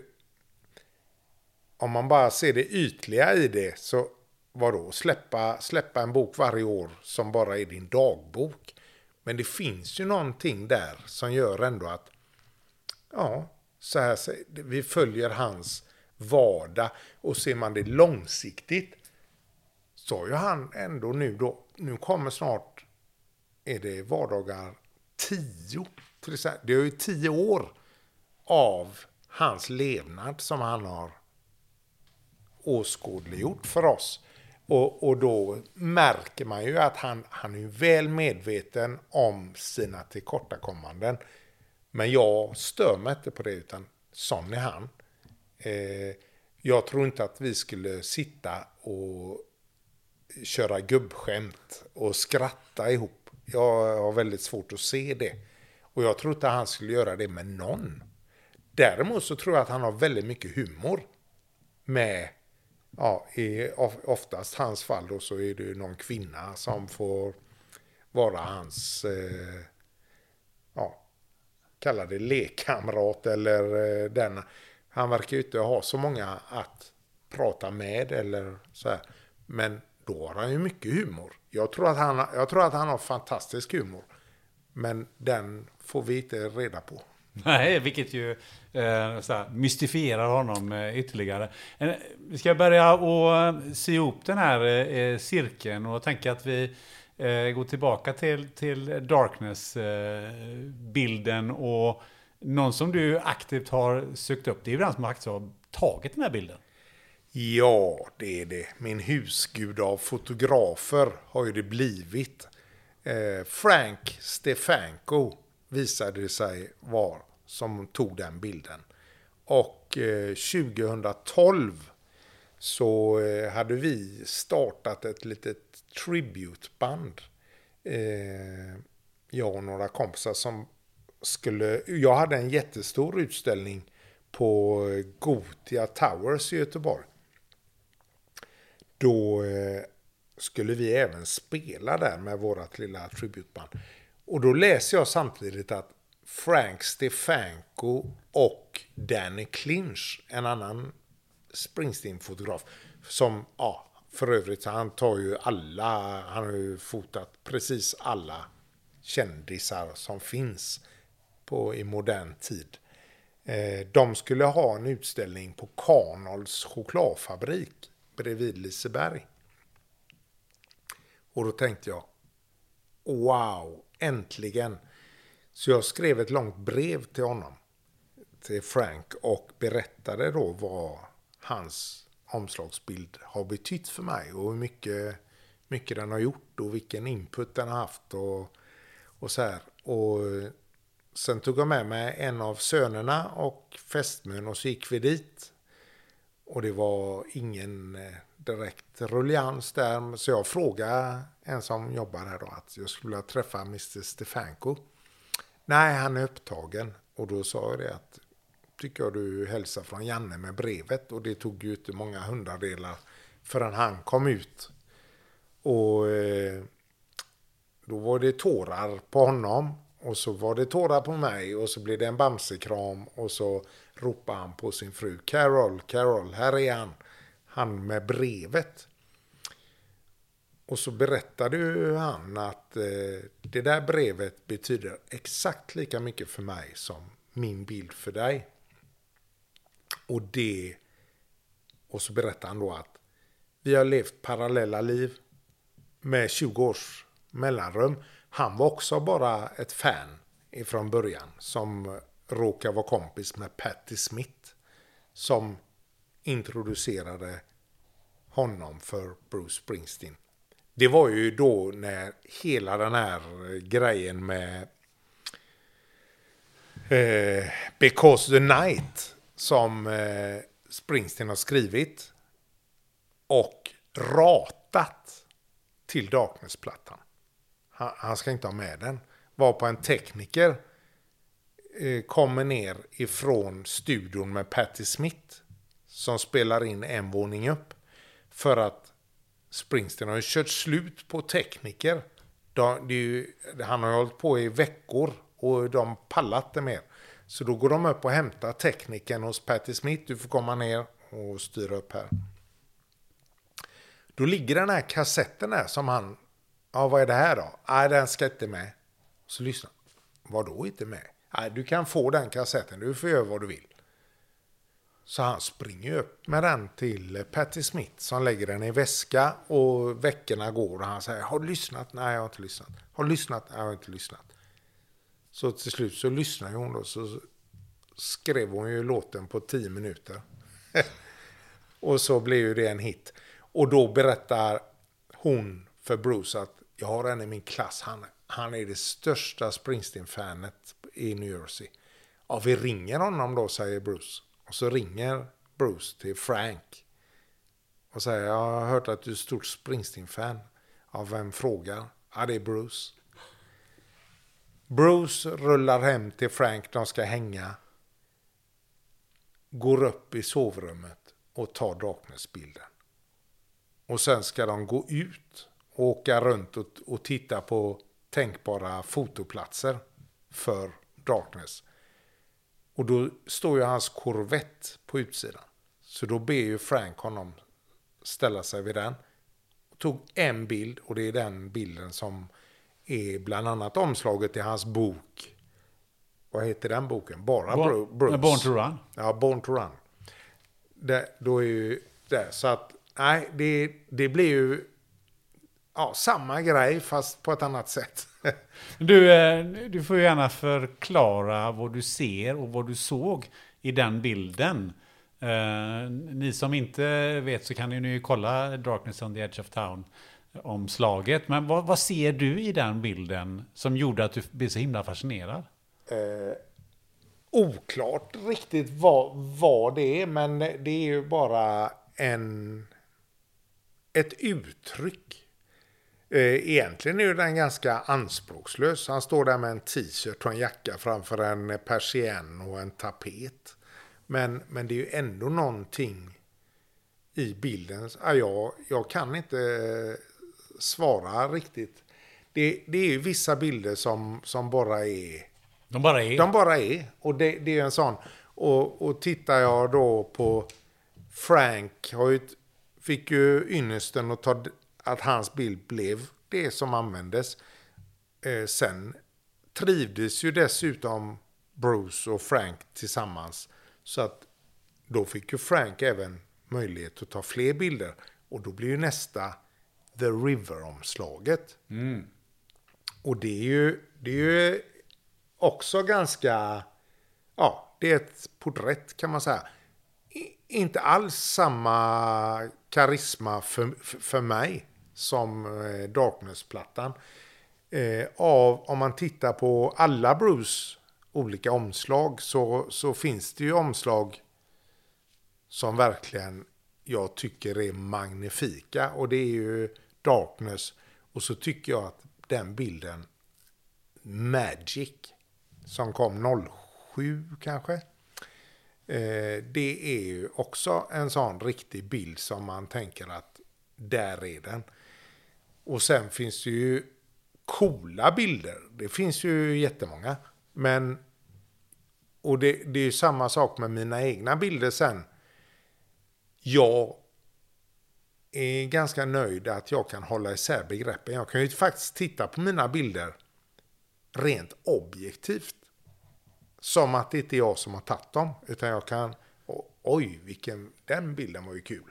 Eller, har jag tagit den? Så kan jag liksom eh, ifrågasätta då. Och, så, och då skulle jag, ja, ja, det är ju svårt att sätta betyg på sina egna produkter så att säga. Men jag, jag skulle nog säga att om man, om man skulle ta, tänk om man fick välja en bild av varje artist jag har tagit. Då är det inte säkert att alla artister kommer komma upp på, om, om jag skulle göra en utställning med en bild av alla artisterna så är det inte säkert att det kan ha varit någon artist som faller bort. För att jag inte hittar feelingen. Fast det kan vara en bra bild ändå. Men just feelingen måste, måste finnas. Och det tycker jag finns i Darkness-bilden. Det är någon feeling där helt enkelt. Om vi bortser från allting som det här har betytt eh, för dig rent fotomässigt och vad du fått vara med om när det gäller Bruce. Har, han, har det betytt någonting mer, någonting annat? Eh, finns det något mer i själva musiken eller någonting som har, som har format dig? Ja, det, det har det nog gjort eh, i mångt och mycket utan att man har reflekterat över det. Men eh, vi- inledningsvis så pratade vi om eh, min mammas... Hon var ändå 19 då när hon blev eh, av med min pappa då som hon troligtvis var kär i. eh, Springsteen, hans, eh, ja, han, han, han sjunger ju väldigt mycket, det är ju mycket texter om familjen och förutom då att han, han kallas för arbetarklassens, eh, han har ju aldrig haft ett riktigt jobb. Som man säger. Eh, men han, han har ju också sin, eh, sina frågor kring sin pappa och deras relation och så här. Och det kan hända att det fadersgestalt vet jag inte, för jag har ju inte, jag har inte haft någon pappa, så jag vet ju inte riktigt. Men eh, han, han har, jag har sett upp till honom. Och jag, och jag ser upp till honom. Eh, och även nu när han blir äldre. Jag tycker ju, tycker ju han har haft en genuin eh, output. Denna. Han, har- han har ändå stått upp för eh, det han tror på. Och, och det, det är ju min stora ja, inspiration och kärlek till Eh, mitt eget liv och eh, i samhället så, så vurmar jag väldigt, väldigt mycket för folk som gör sin grej. Man gör sin grej och det är okej om man står för den. Och, och man gör den oavsett. Bara för man brinner så gött för den. Och, och eh, det finns ju jättemånga hjältar i samhället som gör sin grej och som, som brinner. Och så tycker jag Springsteen tillhör dem som står där för sin grej. Ja. Stå för sin grej, det tycker jag är en bra eh, avrundning på det här samtalet. Hur, hur, hur har det känts- att sitta här och köta med mig? Jättekul! Eh, jag har ju lyssnat på många avsnitt så att jag tänker ju bara hur ska stackarn, stackarn få ihop detta? Det är nog ett ganska litet problem, Det är väldigt eh, lätt att jag drar iväg. Men eh, Det är väl det som är det roliga, att man kan få dra iväg i den här podden. ja, och så tycker jag verkligen att eh, jag brukar ofta komma till det när folk frågar så här, du har ju fotat den och den och den och dem. Ja, eh, men det spelar ingen roll Anna. Bara gör din grej gärna och gillar du det så gillar du det. Och, och jag är så tacksam, så lyckligt lottad som har fått göra alla de här roliga grejerna. Och, och det njuter jag verkligen av. Eh, och det vill man också... Jag jobbar ju som sagt var på två skolor med unga människor som... De har det inte lätt idag alltså. För de... Det är inte många som gör sin grej där, utan de gör andras grejer. Eh, och, och det är få... och förhoppningsvis så landar väl de i, i någon form av egen vilja och så här. Men det är många som är oroliga för hur de beter sig eller uppfattas av... Eh, det är väl ändå lite av min... Eh, inte minuspost ska jag säga. Jag tror att folk så här, alla gillar inte en Janne Lundahl. Eh, och det måste man inte. Men de vet ändå vem jag är. På grund av att jag är ungefär likadan här och nu som jag är när jag är skolvaktmästaren eller som jag är när jag fotograferar. eller som jag är när jag är med mina barn. Det är ungefär samma kille eller gubbe numera då. Eh, hela tiden. Och det, det är... Jag gör min grej och jag har alltid stått för den. Och sen eh, får ju det tas emot hur det vill.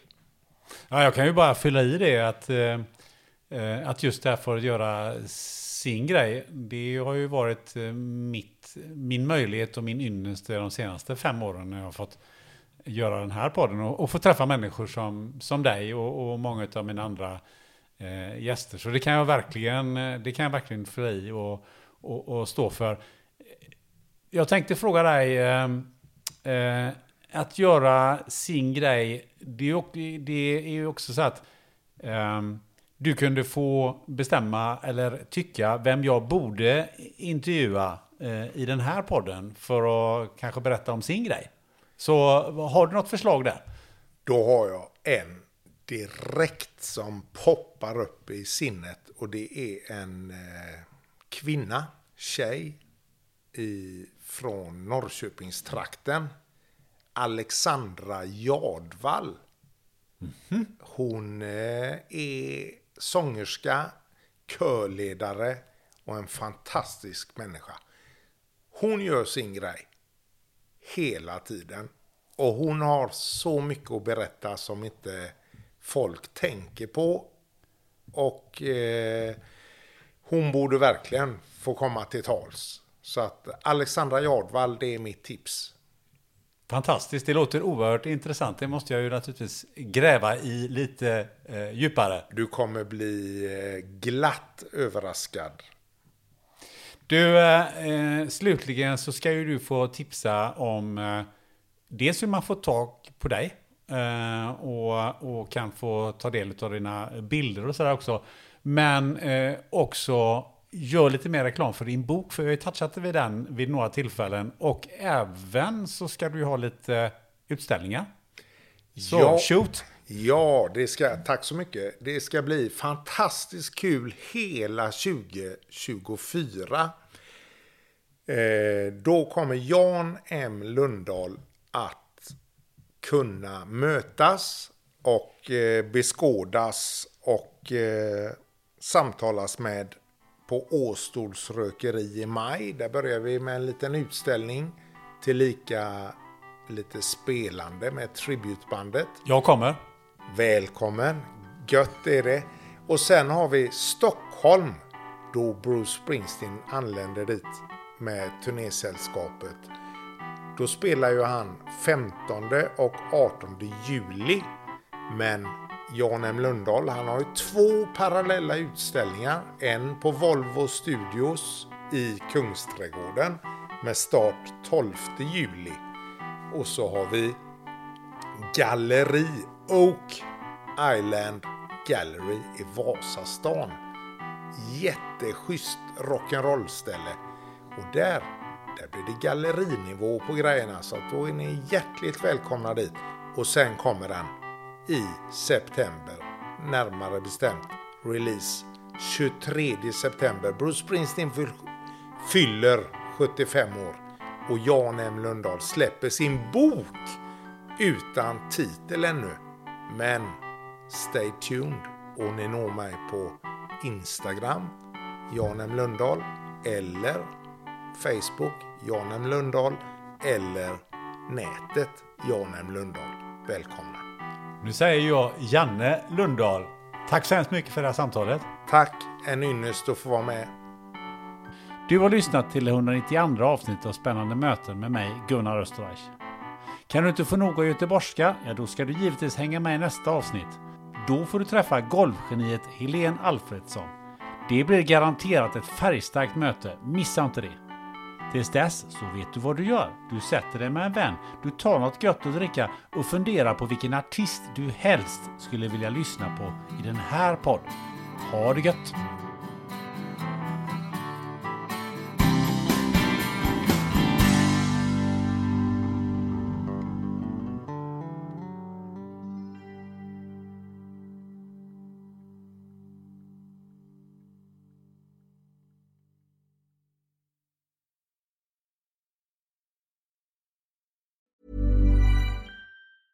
Ever catch yourself eating the same flavorless dinner three days in a row? Dreaming of something better? Well, HelloFresh is your guilt-free dream come true, baby. It's me, Kiki Palmer.